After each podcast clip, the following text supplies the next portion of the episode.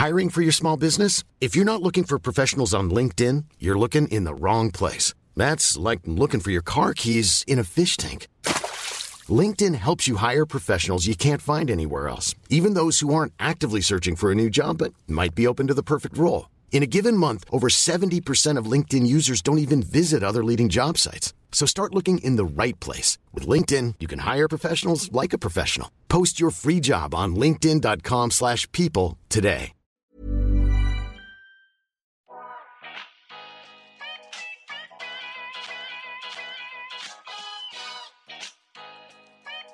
Välkommen till En timme med där jag, Sanja Tegeltia, träffar människor som inspirerar mig som delar med sig om sina karriärresor, sina motgångar, om självutveckling och hur de har kommit dit de är idag.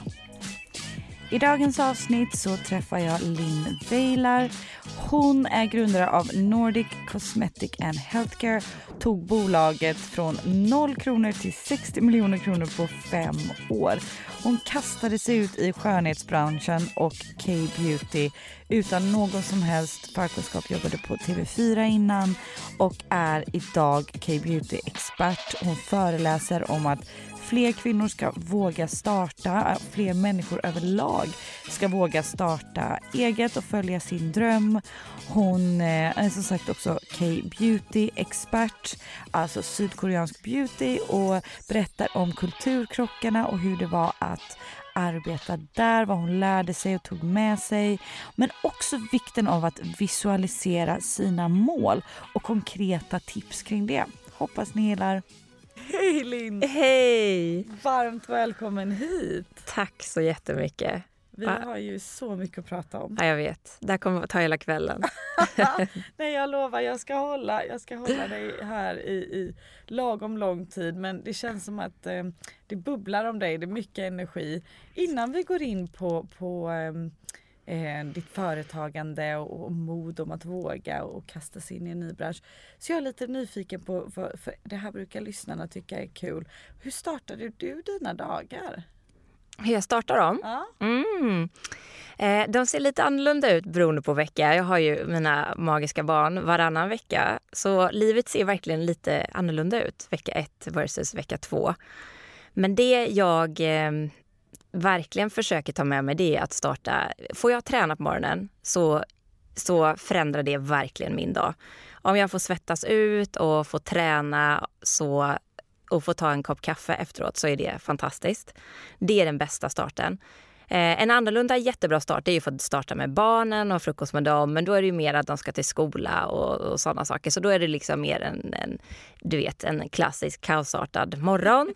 Och sen så, så ska de iväg på varsina håll och sådär. Men eh, får jag starta med en, eh, att träna och gärna springa, någonting som får upp eh, pulsen, så mår jag som allra, allra bäst. Och har man en sån morgon och man har lite tid att göra en härlig frukost så gör jag gärna det. Jag vill också starta med någonting varmt eh, som man också kickar igång liksom inifrån på något sätt. Mm. Så um, något te eller något gott, den första goda kaffen är väldigt, väldigt viktig. Gud vad härligt. Jag tycker det är så spännande själv att höra om folks morgonrutiner. Jag är ju också en sån som älskar att träna på morgonen. Ja, det är det. Ja. Och när man vänjer sig vid det då blir man nästan lite konstig den dagen man inte får det. Man blir så här, oj, jag känner mig lite trög eller seg. Eller lite ja, jag vet. Och gör man det inte kontinuerligt så blir det som att man vänjer sig vid att inte göra det. Så ja. det är viktigt att ändå hålla de här nya vanorna igång, att uppehålla det. Exakt. Mm. Och du hade ju ett, ett, du gick ifrån ett tryggt arbete, en trygg lön till att kasta dig ut i en helt ny bransch, skönhetsbranschen. Mm. Eh, vilket kräver en hel del mod. Mm. Eh, hur, hur, var det då? Hur gick tankarna hur, hur, från, från att lämna den typen av trygghet? Mm. För ibland det är skillnad att, läm- att gå till någonting eller gå ifrån någonting. Och jag gick verkligen inte ifrån någonting. Men det är en stor skillnad att jobba på ett storbolag som jag gjorde. TV4 var i mediebranschen och var där i väldigt många år och det var tryggt och bra och jag gillade jättemycket med det. Mm. Eh, sen kom jag från en entreprenörsfamilj och visste att jag är gjord för det. Jag gillade verkligen att jag var på TV4 och hade, det gick någonting sönder så mejlar man söndra tv4.se. Det, kom, det lagades. Eh, det finns någonting vackert med storbolag, att det finns rutiner, system och man vet vad man ska göra inom de ramarna som man är anställd. Mm. Så det, jag kan gilla det. En annan del i mig gillar när det är totalt motsatt. Att du slänger ut och du ska fixa det själv och det du fixar är också resultatet av. Resultatet blir det du själv gör. Och mm, så, blir det, så är det såklart i ett företag, större företag också men den drivkraften gillar jag. Och jag har sett hur jag har vuxit upp med den kraften, att den där nerven innan man får den affären eller får det där eh, som man kämpar efter, att det, den där nerven slår det mesta. När man kämpar för någonting och sen så blir det som man vill och belöningen, den känslan i kroppen är fantastisk. Så den har jag, det pirret har drivit mig för att vilja göra någonting annat än vara på just storbolag. Mm. Men sen jag, tror jag att alla är intresserade av, man har mycket hobbys och man vill göra mycket olika saker. Så jag tror att det finns en rad olika saker som man kan starta inom. Jag har startat flera företag innan det här. Det här företaget var det som hade den här potentialen att lyckas ordentligt och att kunna växla ut. Så därför blir det den här som också blir bra. Men jag har ju hunnit testa lite andra företag wow. också. Och, och, ändå våga testa gång nytt på nytt. Liksom. Vad tror du att gör att du lyckades med det här företaget? Eh, här lyckades jag för att det också var en, det, det, det var en trend som, eh, som exploderade samtidigt. Jag, jag hade turen att, eh, att starta det här eh, när det blev trendigt. Att kunna se de riktlinjerna på marknaden, att det började hända någonting.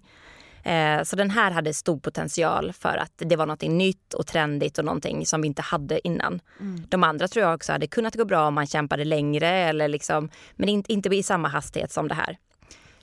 Och varför tror du, för vi pratade lite om att du har ju sett familjen prata eller leva i entreprenörskap. Mm. Eh, tror du att det har gett dig modet till att tänka att äh, liksom, vad är det värsta som kan hända eller vart får du ditt mod ifrån? Ja men absolut. Man är ju alltid där man kommer ifrån och sen den miljön där du är. Eh, och jag har en sån personlighet att jag är nog lite orädd på det sättet. Mm. Jag vill testa fram och jag vill testa min tes om det funkar. Eh, sen tror jag också att jag kan backa och känna, vet du vad, det funkar inte, men fan vad bra. Vi, mm. vi testar i alla fall. Och nu vet vi det och då kan vi säga att det funkar inte, men då testar vi någonting annat. Så det har jag absolut fått från min pappa som eh, när jag var i magen så startade han sitt företag som vi hela familjen har eh, levt i och jobbat på lov och uh, hela min uppväxt egentligen. Ah, Okej, okay. så lite som ett familjebolag nästan? Ja, då, absolut. Gud vad härligt. Och vad spännande. Och varför, som vi pratade lite om innan inspelningen började, varför tror du att det är så få kvinnor som vågar starta? Ja, men det där är så... Um, idag kan man också säga att det startas ju mera än vad det gjort innan. Så vi är ju på god väg. Ja. ja, det är vi. Men fortfarande så är 30% av alla företag som startas är av kvinnor. Vilket betyder att resten är av män. Så vi, vi har ju fortfarande en, eh, en väg att gå där. Mm. Men jag tror att det finns lite stigma att eh, man vill att det ska vara, man ska ha den perfekta idén. Eh, jag tror att man absolut i början säkerligen kan jobba och starta någonting vid, om man har ett jobb och så startar man lite vid sidan om. Men jag, jag tror mer på att du måste också dra undan mattan för att falla, falla därifrån. För då är risken risken och det blir jobbigare då. Har du ingenting att falla tillbaka på så är din benägenhet att kämpa hårdare mm. där. Så jag tror att den, eh, som vi pratade innan här så sa vi att ja, vårt liv kostar ju också. Om man har barn eller man har eh, kostnader som kostar, livet kostar så är det ibland svårt att kunna dra undan och säga att vet du vad, jag kommer inte ha lön nu ett tag. Vi ska satsa på det här. Och den risken kanske man inte är benägen att ta att, och har möjlighet att ta. Nej. Så jag tror att man är liksom rädd där. Sen tror jag att man vill ha den perfekta idén för att göra det. Eh, och, ja, det är några, några pusselbitar som verkligen ska falla på plats. Finns det ens något sånt som är en perfekt idé? Nej, men jag tror inte det. Nej. Det första är så här, har du, det är klart att gå utan lön, den säkerheten är ju svår. Mm. För du har ju kostnader att betala och så vidare. Eh, så det, det, är ju några hinder som man absolut eh, måste gå över. Men det finns ju absolut ingenting som jag tror är perfekt. Nej. Och det viktigaste är att eh, att tänka att det behöver inte vara perfekt. Vi kör. För det kommer ändå ändra sig sen. Eh, med den inputen där eller den kunde vill någonting annat. Planen som du har från början är ofta inte slutplanen utan det, det hinner absolut ändra sig ganska många gånger innan det blir aldrig perfekt men så perfekt som det behöver vara. Ja för att man kan ju inte förutspå hur det kommer bli. Så det är egentligen omöjligt, man kan inte se in i framtiden. Nej. Så det är omöjligt att planera utifrån ett scenario man inte har någon aning om hur det kommer bli. Nej, verkligen. Lite så. Ja. Så det är som att göra den perfekta idén, man måste ju någonstans prova idén för att se hur den tas emot av marknaden också. Verkligen. Eh. Gud ja. Och jag tror också man ibland, eh, som jag har mött, att man sitter och ruvar på sin idé. Man vill nästan inte prata med folk för då kanske någon, ett, kan kopiera den. Två, man orkar inte höra negativ feedback nu utan man, man, nu ska man ju drivas på. Men det tror jag också är en sån här grej att, att eh, bara att du får prata med någon som ger dig goda råd eller att våga exponera sin idé för många, då får du ju massa input och redan där kanske du har ändrat idén lite grann. För det är ju också i dialogen med andra som man också får smarta idéer själv och förstår att ja men det där var ju inte så dumt. Nej. Så, Och jag menar hur stor är sannolikheten att den andra kom, faktiskt kommer genomföra och starta och sno din idé? Det är inte så stor sannolikhet. nej, För själva genomförandet av idéer, det är ju där det skon klämmer. Liksom. ja men verkligen. Så jag tycker liksom den du pratar med på bussen, bara prata om ja, det här med mina tankar, vem som helst. För våga exponera dina tankar för då får man ganska bra input. Ja. Ehm. Och Får man mycket uppbackning i det här landet tycker du som ändå är egen? Alltså så här, vågar man ta lite risker eller finns det hjälpmedel att få tips och råd eller coaching eller liksom sådär? Vad har du upplevt? Alltså jag tycker det finns, det här är ett fantastiskt land för det. Dels så tror jag att man har mycket mer. Om man bara skriver ner alla kontakter på ett papper så tänker man, äh men gud det finns ganska många jag skulle kunna bolla det här med. Som man faktiskt inte tänker i sitt vanliga day to day life. Att då kanske man har de här personerna. Men det finns i bara sitt nät, nätverk, om man skulle kika lite närmare på det, så har man massa bollplank som man inte tänker på. Ja. Eh, det tror jag definitivt. Och sen finns det organisationer. Det finns eh, organisationer som Almi. Ja. Det finns så mycket hjälp att få. Och hitta en, en mentor till exempel, någon som man aktivt frågar. Ja, jag kommer behöva ha, bolla lite frågor från och till. Skulle du kunna vara den mentorn för mig? Så det är det väldigt många som tror jag skulle uppskatta det också. Betalt eller inte betalt. Sjukt bra tips. Och um, jag vet att någonting vi pratar om är ju också att du har ju föreläst och pratat lite om att fokusera på att visualisera för att nå sina mål. Mm. Jag tycker sånt här är superintressant. Ja. Jag tror ju väldigt mycket på att visualisera dit man vill och liksom bestämma sig redan innan och sådär. Ja. Kan inte du berätta lite vad du menar? Jo, men det, och det började faktiskt redan på TV4. Då jobbade jag första åren inom sälj till exempel. Och då finns det, inom, jobbar man inom sälj så finns det ju säljtävlingar och då var det till exempel den här då var inom Bonnier. Och då i det, i det visualiserade jag att ja, men jag, jag såg mig själv liksom ta hem det här priset. Och jag skrev det på en lapp och så satte jag den bakom en, en tavla i vår lägenhet. Eh, Så när jag såg den tavlan så visste jag, jag visste vad som var bakom där. Så varenda gång jag såg den tavlan så visste jag, ja, bra. Jag fick en liksom, det är ju det som är mitt mål. Jag måste lite fokusera på det där. Och, och då gjorde jag det visuellt för mig själv. Jag visste att det var bakom den där tavlan. Det, var, det kändes lite väl skrytigt liksom att sätta upp den så alla såg den. Men jag såg den och, och det har fört mig vidare lite att det som inte syns finns inte utan även om man, så nu sätter jag upp, har jag med, med, på vårt företag och för mig själv post-it-lappar där jag synliggör vad, jag, vad vi är på väg någonstans.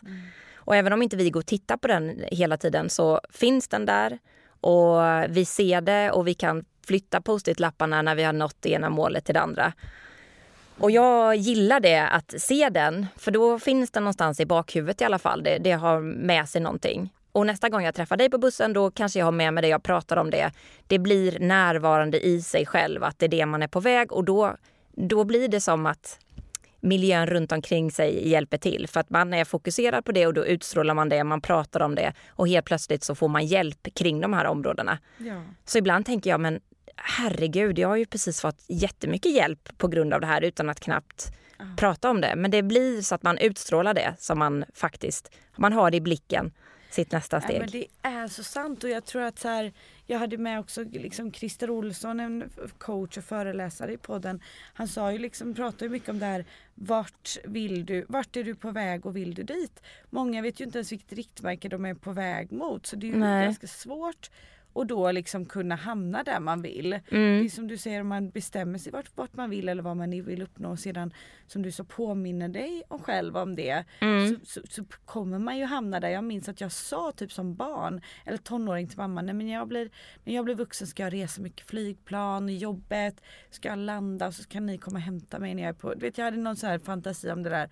Och mitt första stora jobb vart globalt och jag reste och pappa och mamma kom och hämtade mig när jag kom och hämta, hälsa på. Och mamma bara, det här sa du som du Ah. liten. Jag bara, är det sant? Och så kom jag liksom ihåg att jag har liksom alltid tragglat det. Lite omedvetet förvisso Mm. men, men liksom att jag tror att man, man sätter någonting i sig själv. Dit vill jag. Ja, verkligen. Ehm, sen sådär med flygplan, så, det, det kanske inte är en hållbar livsstil nu som jag har insett men Nej, men ändå. Ja, nej, ja, precis. Vilken idé den kan vara. Mm. Och sen kanske det första steget är, okej om man är vilsen och inte vet vilken inriktning, ja men då är det första fasen. Mm. Då, det är då man använder sina bollplank och man, det är sitt nätverk och försöker utröna och bara sig, höra sig själv säga sina tankar högt. Mm. Så säger du någonting till dig själv, du hör direkt. Det där känns inte bra, det där känns fel. Det där känns rätt. Så innan man kommer till sätta upp målet dit ska jag så är det ju ganska bra att bestämma sig för riktning. Och det tycker jag att man verkligen kan göra med flera. Verkligen. Och då, jag tror många vill vara med i den. Det, det, är ganska trevligt att någon kommer till mig. Får jag bolla mina livstankar med dig? Det behöver ju inte alltid handla om jobbet. Det handlar om livet som står sådant. Vi kan ju vara jättemycket bättre på att, vet du vad, jag, jag bollar, vill gärna bolla det här. Det kan vara vilka frågor som helst. Så är det ju ganska trevligt att höra sig själv sätta ord på tankar ibland. Verkligen. Vi är så dåliga på att bolla och liksom man sitter och håller mycket på mycket själv. Mm. Så att vi har så mycket att vinna av att bara bolla så här så som gör eller dela erfarenheter eller eh, ja men du vet dela ibland om man har ja, men, ekonomiska problem så kanske man Mm. hör att någon annan har det. Ja. Ingen säger något. Nej, Alla ska leka så himla tuffa utåt. ja, men Kan man verkligen. börja ge varandra tips eller? Ja, så vi, jag tror vi pratar väldigt mycket med varandra. Men just det som är lite känsligt, att man känner att man, man kan bli sedd på ett sämre sätt. Så att nu tycker de att jag är osmart eller nu är jag dålig, de tycker att jag är trög. Det vågar man nog inte exponera på samma sätt som det vanliga som man vet att den Ja, andra också har. Den är ju enklare liksom. Den kan man ju prata om med alla och länge. Ja. Men just den där, precis som du säger, jag har det dåligt ekonomiskt eller sånt. Det, det är lite jobbigare. Synd för det är när man frågar som man lär sig. Ja, då kanske den har hjälp. Ja, men du, den kände den eller den kände den kände den. Det finns Exakt. kanske helt plötsligt nya vägar att få. Men, eh, men om vi pratar lite om, om eh, företaget så gick ju du från 0 till 60 miljoner på fem år. Mm. Otroligt bra. Ja. Hur lyckades du med det? Berätta. Ehm, ja, gud. Det, det känns som ett eh, liv före efter någonstans jag startade det här företaget på något sätt. Men mycket handlar ju om, det första handlar ju absolut att dra undan mattan och våga. Eh, och många gräver där man står, att man fortsätter med någonting man kan. Eh, jag kände att det är ganska kul att göra inte det heller utan hoppa ut på något helt annat vatten. Eh, och I det här fallet så hade jag ju testat de här produkterna förut. Jag hade handlat från den här sajten och, och visste att jag tyckte att det var bra grejer. Såg att det började hända lite på Instagram, att det, det började bli lite, lite känt med koreanska produkter. Ja. Ehm, och i det här fallet så, mm, så tänkte jag, ja, men då blev den också till salu. Var, nu, nu är det min chans. Jag, jag, jag köper den här sajten. Så den jag började köpa ifrån blev till salu. Så första målet, eh, eller första, det första steget var ju då att faktiskt köpa den här sajten som, eh, som sålde varorna. Och nästa var ju att ringa receptionen liksom på Åhléns att nu hoppa in i den här branschen. Nu ska jag se om de här återförsäljarna är intresserade av den här typen av produkter. Mm, Och då hade, kände jag ju, jag kände verkligen, ja jag tror inte jag kände någon knappt som jobbade inom det här. Så då var det verkligen ringa receptionen och få ett namn och bli kopplad dit och mejla dit. Wow, det måste tagit så mycket tid. Ja, men det var de, och då var de, sa de, ja, men det här kan vara av intresse. Ja. Och då eh, var det bara att sätta sig på ett flyg till Korea och då började det riktiga äventyret. För jag åkte dit som en, eh, någon som har precis sagt upp sig och eh, lite nervös. Och jag kände, och jag kom hem som en, jag kände mig då som en fullfjädrad affärskvinna. Är det så? Ja, Vad hände? Varför gjorde du det? För jag, jag visste att eh, då, då hade jag, när jag hade köpt den här sajten, då fanns det fyra varumärken. De skulle jag definitivt träffa. Jag hade pratat med Åhléns, de kände sig någorlunda positiva. Okej, okay, jag har någonting. Jag, jag, jag, jag har någonting. Jag vet inte vad det är, men någonting bra är det. Och ska jag göra det här så ska jag göra det absolut på riktigt. Jag ska göra det på ett annat sätt som inte andra har gjort. Jag ska ha en hel portfölj. Eh, så jag hade, när jag kom hem hade jag nästan 20 varumärken som jag var i kontakt med. Wow. Och ofta så tar man in ett och man jobbar igenom det eh, och så tar man in ett till och så jobbar man in det. Men jag kände att för att få plats hos Åhléns så att ICA de här ska ta möten med mig så måste jag ha en portfölj. Jag måste bli störst på IK Beauty nu. Mm. Jag, jag, jag är på någonting, det här är trendigt och jag vet att det är bra grejer. Äh, men då ska jag ha produkter som passar alla, alla kedjor. Mm. Så då vill jag ha någonting som passar på NK och jag vill ha produkter som passade på, på Rusta och Ica och Axfood och så. Mm. Och efter att ha varit i, i Korea och sett produkterna så tänkte jag att ja, det, det, är en portfölj av eh, 20 varumärken jag behöver för att bli den här stora spelen. Och, och, så blev det. Och helt plötsligt så hade jag så många varumärken och det här var precis innan trenden så det var inte särskilt svårt att få exklusiva avtal på de här. Oj vad nice. Det kan jag eh, tänka mig är svårare idag. Ja men det är mycket svårare. Ja. Eh, men nu är det inte svårare för nu är vi ju en så pass stor spelare mm. och vi säljer till 18 länder och, och så vidare. Så nu, nu har vi bra tillgångar till att få se trenderna som sker där så vi snabbt kan eh, agera på dem. Men så var det ju såklart inte Nej. i början. Så det var väldigt häftigt och åka dit var, var häftigt. Möttes av en, en kulturkrock. Jag hade ju aldrig ens varit i Korea. Nej. Kan du inte berätta lite, hur gick det? Ja herregud, hur gick det? Det var, ja, det var så spännande på många sätt. Eh, jag, ehm, just då, den tiden i mitt liv så vet jag inte varför jag gjorde det men det, det kändes som att jag eh, i första mötet, kom jag ihåg, så, så, ehm, så tog jag dem lite på axlarna hela tiden. För jag skulle vara sådär familjär ville jag. Jag ville att skapa bra, goda relationer på en gång. Så i, i möte ett kommer jag aldrig glömma för då tog assistenten mig åt sidan och, och, sa att gör inte det. Liksom, du trycker ner dem. De tycker det är jätteförnedrande att du tar dem på axlarna. Jaha, okej, okay, jag hade ingen aning om. Eh, och i samma möte skulle vi också byta visitkort och nej men jag har ju inga. Herregud, det är extremt pinsamt. Och, så då visste jag, det var möte ett. Så möte två fick jag akut springa till och printa ut. Jag måste ha visitkort. Uh. Hur kan jag åka hit utan visitkort? Det är ju fruktansvärt. Men i möte två hade jag visitkorten. Och de eh, gör man ju som en hedershandling. Man, man byter dem med två händer och man ställer sig upp, byter visitkort. gör man i Korea och sen så ska man också försöka uttala den andras namn. Och det hade jag nu lärt mig från möte ett och möte två försökte jag göra den här överföringen av visitkort. Vad jag gjorde sen var att jag tog visitkortet och la det i fickan, i bakfickan. Då var jag assistenten där igen. Nu har du satt dig på honom. Nu har du bytt. Det här är, det här är jätteförnedrande tycker de. Nu har du satt dig på honom. Nej men gud, ja jag har ju dem i, i fickan här bak. Så jag liksom gör inte det igen. Så det var ju liksom första dagen var det de här två sakerna som man absolut inte får göra liksom. Nej. Men sen ehm, så vårt företagsklimat här är att man har möte en timme kanske max och sen så ehm, går man därifrån. Så är det inte riktigt i Korea. Utan när jag också har varit där, nu när jag hade så många sen, när vi hade lite fler varumärken att träffa, så har jag ganska på kort tid ska jag träffa ganska många. Och de tror ju också att man är där för deras skull alena. Så de tar också lite ansvar för mig. Jag är tjej där nu och de vill att de, de tänker att de ska fylla min tid. Mm. Och jag vill gärna inte bli att den ska bli så fylld utan jag har ganska många att träffa och jag vill också se, eh, se staden och så vidare. Men i många fall så har mötena varit typ tre timmar och sen är man också middag på kvällen och de vill gärna ta en frukost innan jag åker till vidare till flyget. Mm. Så det var ett helt annat... Inte mycket egen tid alltså? Nej, och absolut inte att vi heller pratar om deras familjer. Så det är ganska svårt att ha möte så pass länge. Här i Sverige så börjar man ändå prata om jag... familjen, barnen ganska snabbt. Uh. Eh, men det, det gjorde man inte heller. Så det var en, en fin linje att ge varandra väldigt mycket tid men eh, inte riktigt prata om eh, privata saker. Jag gjorde ju det ändå men jag uppfattade också att de svarar inte liksom så tydligt på det. Nej. Oj vad platt till slut eller så relationsmässigt. Ja. Det finns ju inte så mycket mer jobb att prata Nej, nej precis. Oh, wow. Ja och det måste ju varit så lärorikt. Och jag menar, hur funkar det rent praktiskt då? Köpte du in massa lager och varumärken och sen sålde vidare? Mm, ja det gjorde jag. Så du fick ändå lägga ut mycket Mm, ja, så risk nummer ett var ju att köpa Bonnie Bonnie, köpa onlineplattformen och risk nummer två det var att börja köpa in lager.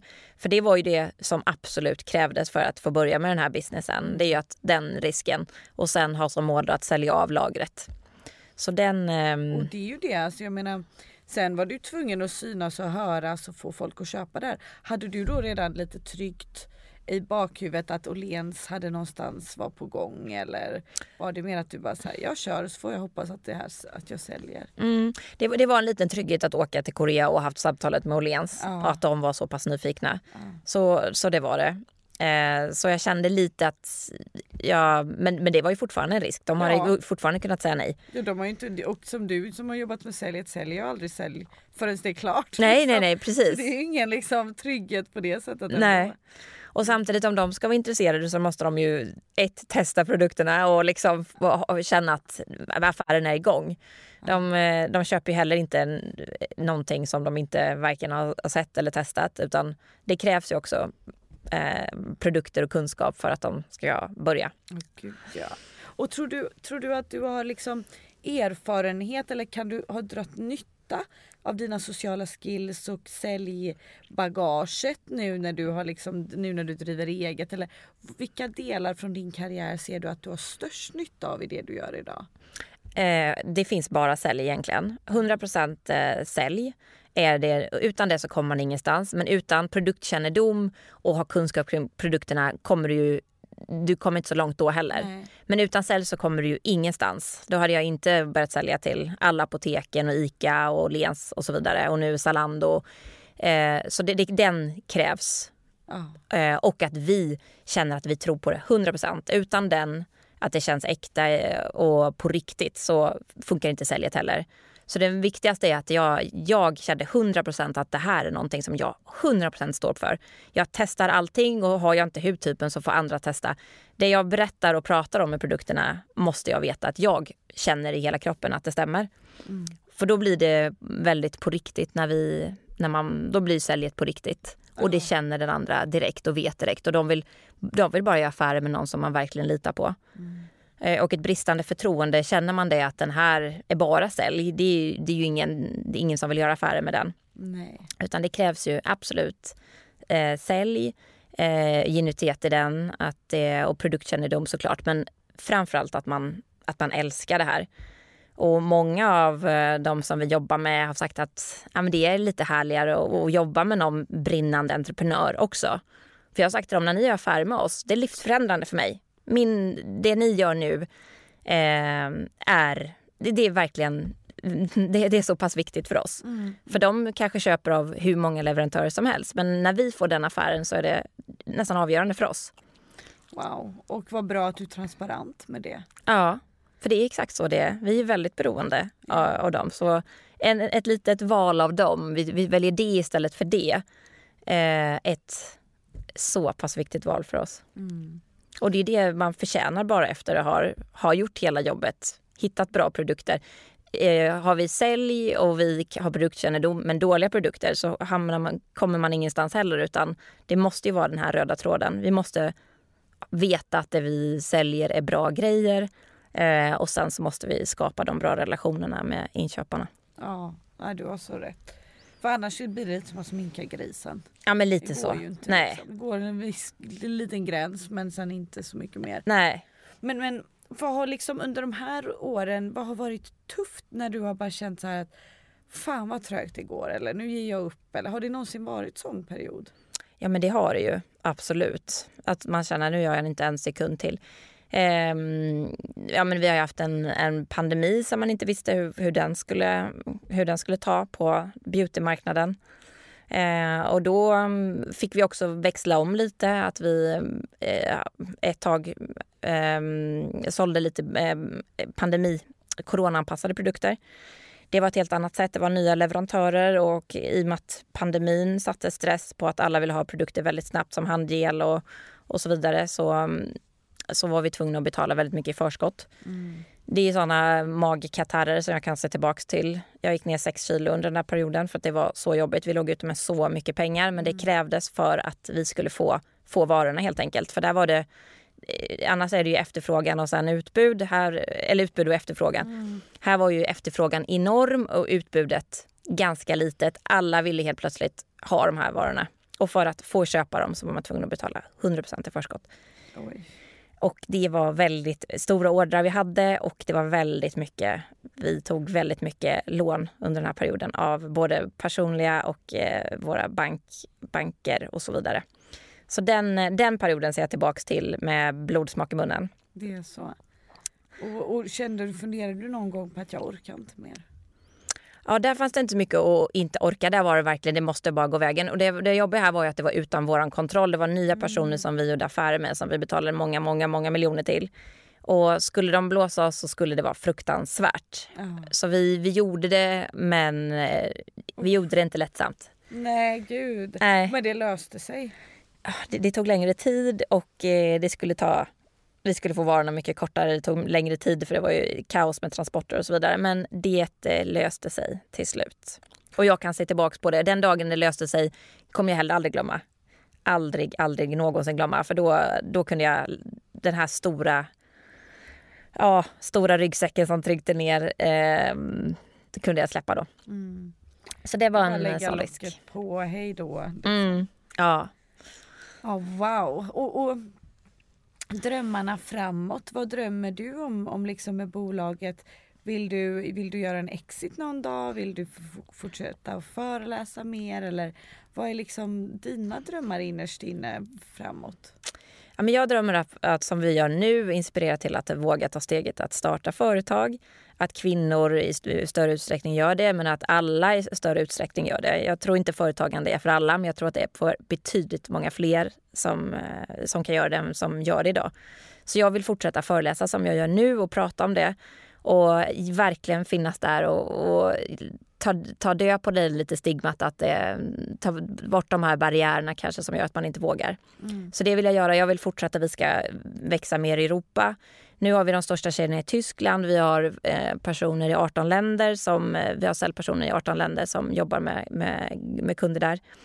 Och det vill jag fortsätta eh, växa. Så jag, och nu har vi tagit fram vårt egna varumärke Stay Well. Mm. Och det har varit ett super eh, viktigt mål att få ut det i våra kanaler. Så det är jag jätteglad att vi har lyckats med. Så det, och där jobbar vi med att det är ett klimatneutralt märke till exempel. Jobbar med de här, att vi kan inte förändra branschen såklart, men vi kan förändra det vi skapar.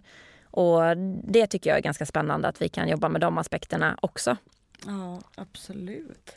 Och kul att ta fram något eget. Ja. Det blir en helt ny milstolpe. Ja, men det är det.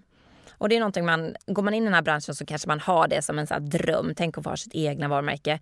Och det är faktiskt en dröm och det är häftigt att se att de tar slut på hyllorna på Åhléns. Det är någon som köper också.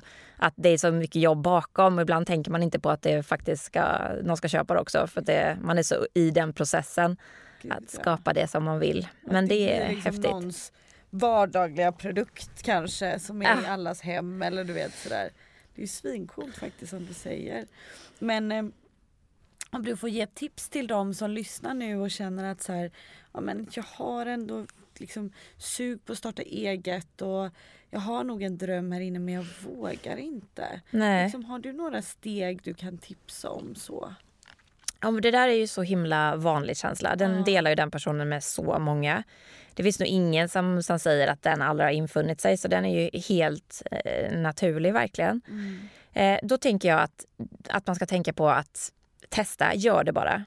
För det är, finns inget tråkigt tror jag att se tillbaka och tänka att fast jag hade ju den där idén för några år sedan och så gjorde någon annan den eller ja, det blev inte av. Testa och gör det bara. Eh, det är ett tips att bara testa. Mm. det behöver inte vara perfekt. Gör det bara. Och bara gör det. Eh, nummer två är, som vi var inne på innan, att eh, du har väldigt många som vet någonting om det här eller som kan ge dig push eller kontakter framför allt. Eh, så jag tycker dela med dig av dina tankar, åsikter och bolla dem. Mm. Det tycker jag är en, eh, en väldigt bra. Och våga lite dra, det hör ju väl till den första, men dra undan mattan. Jag tror det ändå. Om du ska våga så våga ordentligt. Så då drar du undan mattan och så kör du, för då blir det oftast bra. Mm. Och, och jag tror att så här, det är lite som du säger, jag tror man kan nog inte förbereda sig nog eh, inför en sån här grej utan man behöver testa. Mm. Det, det, mm, jag pratade lite om det i förra veckans avsnitt. Det är den här också perfektionism syndromet, att man Mm. vill få saker så perfekt. Exakt. Även vissa vill det på jobbet innan de presenterar idén eller du vet sådär.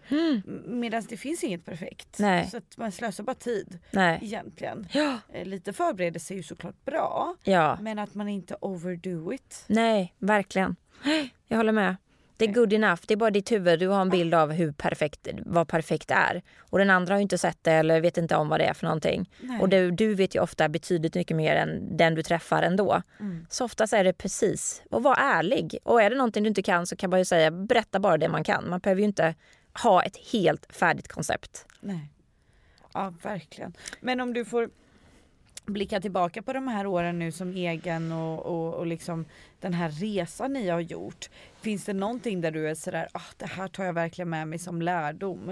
Eh, Mm. Förutom nu då pandemin var ju mer att det var en tuff tid men jag menar mer som, som verkligen lärdom att det här kommer jag ta med mig framåt. Mm.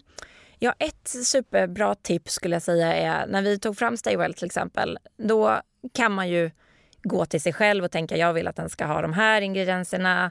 Hyaluronsyra är jättebra, kollagen eller retinol. Eller så kan man, i vårt fall så gick vi till våra återförsäljare och frågade dem. Vi har ju tankar nu att vi vill starta vårt egna. Vad, vad, vad känner du och vad, vad vill era kunder ha? Och frågade dem ganska många, eh, dels på formuleringar, hur ska innehållet vara, men också hur ska, hur ska de se ut, vilken prisklass ska det vara och så vidare. och så vidare. Vad är viktigt? Och det tycker jag är ett ganska bra tips. Är man och skapar någonting så är det ganska bra att man inte bara skapar det utifrån sitt egna huvud, utan i det här fallet så frågade vi våra återförsäljare och så fick vi deras input. Och då gjorde vi exakt som de sa. För det är de som ska sälja det. Och sen är vägen till att de sen ska köpa in det är ju ganska kort. För de har varit med i processen. Det var lite utanför deras kanske inköpsroll. Men de, de, jag tror de uppskattade det. De fick känna sig involverade och deras kunskap var viktig för oss. Eh, så det var, det, ibland är det kul att så här, men ja, jag frågar de där personerna. Den, det, det värsta man kan få är ju inget svar alls eller svar nej. Och i det här svaret fick vi svar ja nästan av alla. Eh, så det tycker jag också är ett ganska bra tips att fråga de som ska bli dina framtida kunder vad de tycker. Och, Så smart. ja, Det är ju som att göra en, en målgruppsundersökning eller liksom sådär istället för att tänka inifrån och ut hela tiden. ja, och, de, och, om, och annars blir det nästa moment är att okej, våra kunder ska köpa in det. Om man gör det från början så är ju de kunderna de som varit med på resan. Så då är de, de finns ju redan där i ditt nätverk. och, och sen det är coolt så- att du har varit kund från start. Mm. För det någonstans visar det också att så här, du gillar det. Alltså, det blir också väldigt utifrån och intänk redan från start. Ja, precis. Och det är ju viktigt. Hade jag inte varit nöjd, jag hade akne och eh, rosacea, det har jag fortfarande. Hade jag inte känt att det här var bra grejer, då hade det här aldrig skett. Nej. Utan man måste ju få den här aha-upplevelsen. Priset var bra, de var snygga och de var läkande för min hud. Bra aspekter. Tycker jag så, så finns det säkert andra som tycker så. Och jag menar det är ju en enormt mättad bransch nu. Ja, De här åren har det ju boomat mer än någonsin.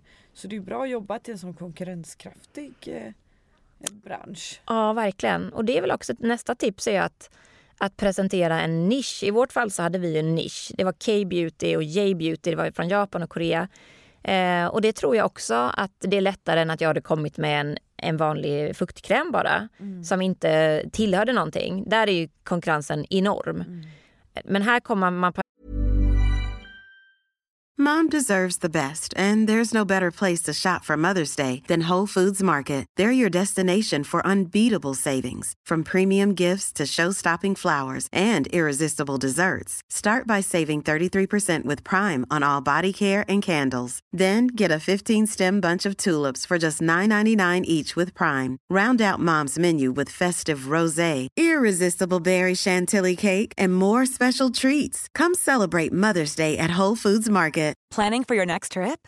Elevate your travel style with Quince. Quince has all the jet setting essentials you'll want for your next getaway, like European linen, premium luggage options, buttery soft Italian leather bags, and so much more. And is all priced at 50 to 80% less than similar brands. Plus, Quince only works with factories that use safe and ethical manufacturing practices. Pack your bags with high-quality essentials you'll be wearing for vacations to come with Quince. Go to quince.com slash pack for free shipping and 365-day returns. presenterade en paketering, ett koncept, någonting som man har bra kunskap kring.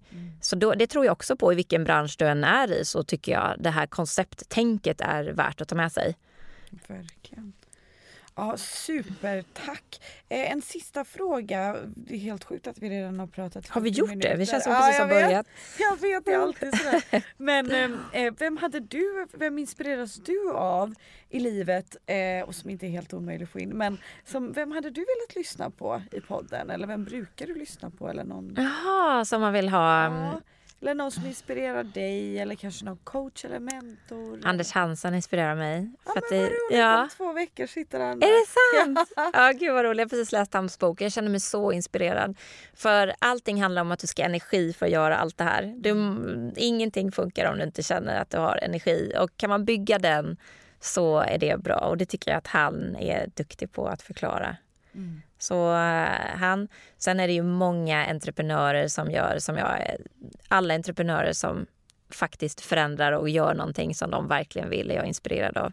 Så jag tycker det är hatten av för alla som gör det och vågar ta steget. För det är, det är inte, när man säger så här, det är bara att göra, det är inte bara att göra. Det det är ett stort steg att göra det.